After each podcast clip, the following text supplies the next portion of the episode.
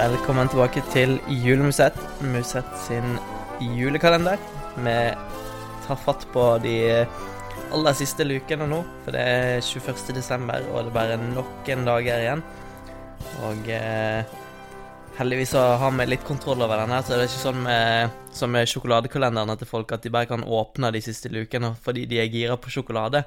Så de må eh, heldigvis eh, beherske seg litt eh, de neste dagen av Simon Esler og Theis Magelsen. Ja, ting kommer når de kommer. Vi, vi, vi, vi, slipper jo ikke alle samtidig. Det tror jeg hadde vært uh, en spesiell måte å gjøre dette på. Men uh, vi er jo på fjerdeplass nå, på herrenes, herrenes liste. Så uh, det begynner å dra seg til. Det er ikke så mange aktuelle navn igjen, føler jeg egentlig. Så jeg, jeg tipper de fire siste hos herrene ikke blir noen overraskelse, og de tre siste hos kvinnene ingen overraskelse, det heller, tror jeg egentlig. Men kanskje rekkefølgen er kontroversiell, det kan hende. Ja, og eh, rekkefølgen og topp tre-lista er jo noe vi har etterspurt i vår konkurranse, og den eh, går jo nå mot eh, slutten, Knut. Yes, for eh, episoden vår eh, slippes jo nå klokka sju på morgenen den 21. desember, og det vil altså si at du har 17 timer igjen på å delta. Eh, 16 timer og 59 minutter. og 59 sekunder kan vi si. Ja, vi kan vel si det. Eh, og så minus de uh, minuttene og sekundene vi har prata nå. Uh, I hvert fall, så send inn Det er to topp tre-lister, altså én for kvinner og en for herrer. Så skriv den gjerne i kommentarfeltet til procycling.no på Facebook. tagg procycling eller Musett i en tweet på Twitter. Eller send oss en e-post på postalfakrøllprocycling.no og så er du med i trekning av ei Bioracer Tempest uh, sykkeltrøye til en verdi av 1600 kroner. Så det er jo verdt å, å, delta for den. Og da er det vel tid for å finne ut hvem denne personen som akkurat uh, ikke havner på våre topp tre-lister er.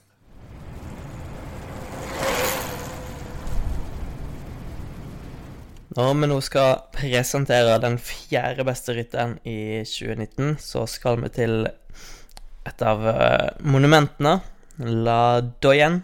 For uh, i et øspøsende regnvær så leverte denne mannen sin største seier i karrieren på uh, I en relativt defensiv utgave. så venta han helt til siste stigning på Cote la Roche og Facon før han begynte å bevege på seg, som de fleste andre. Eh, men når de skilte seg ut ei lita gruppe på fire ryttere der, sammen med Michael Woods i kjente bilder med bare ett eh, langt bein på, på seg, eh, så såkalt litt cowboy, så gikk de Han løste med Woods, ja. Nibali og David Formola Uh, og uh, etter de var kommet over toppen i det rullende terrenget, så rykka Jakob Fuglesang løs og uh, gikk solo. Og økte og økte og økte over toppen og tok fatt på utforkjøringa alene. og i et av de mest dramatiske øyeblikkene holdt på å gå over ende når sykkelen sklir på ei veistripe, men han holder seg mirakuløst på sykkelen. Og eh, et av de sterkeste minnene jeg har fra 2019, akkurat det øyeblikket, for da satt jeg på en bar, Rafa bar, på Mallorca også. Og eh, hele baren eh, eksploderte i det øyeblikket han nesten sklei.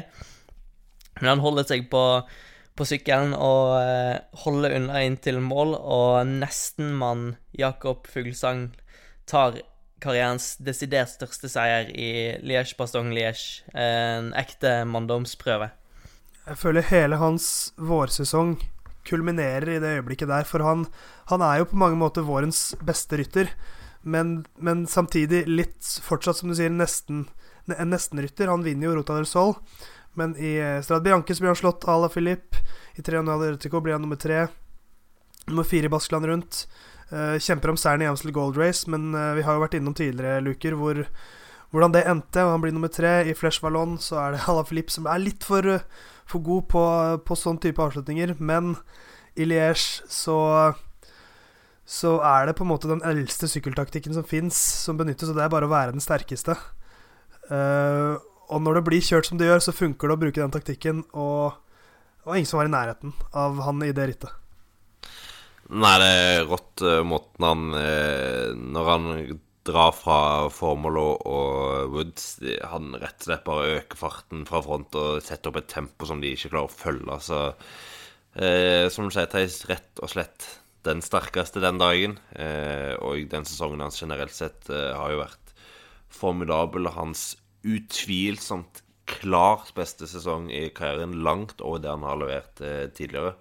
Og så har du selvfølgelig en skuffelse i Tour de France. Han eh, vant jo uh, Dauphiné i ukene før toren, og mange hadde han jo faktisk som den største favoritten inn i Tour de France, men uh, han sliter jo med å få potensialet helt ut i treukersrittene, og endte jo opp med å bryte etter han velta på den 16. etappen. Da lå han på en niendeplass i sammendraget.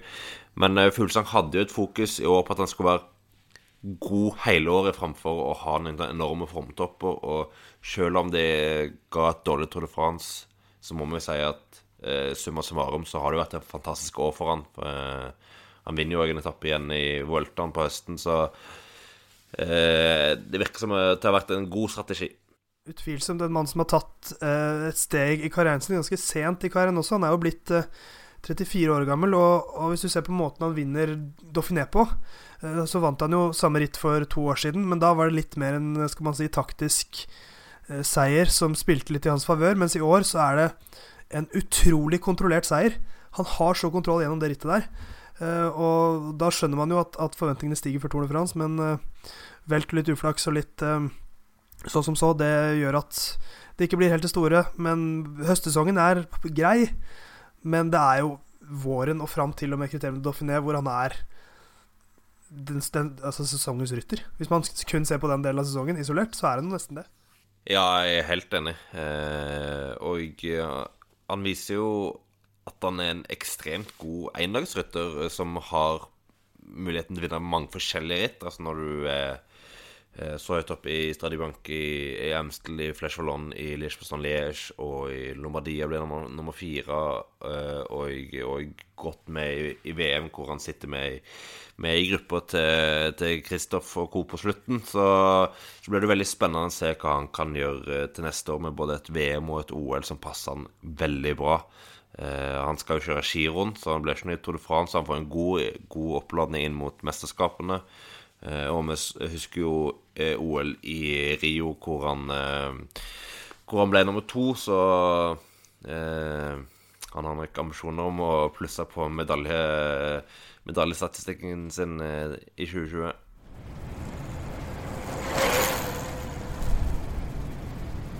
Som nevnt i innledninga av episoden, så må du huske å delta i vår konkurranse. Send inn dine topp tre lister, enten på Facebook, Twitter eller e-post. Post at prosecond.no. I dag er siste frist, så hiv deg rundt og send inn. Og så er vi straks tilbake med luke 22 og tar fatt på topp tre òg hos oss.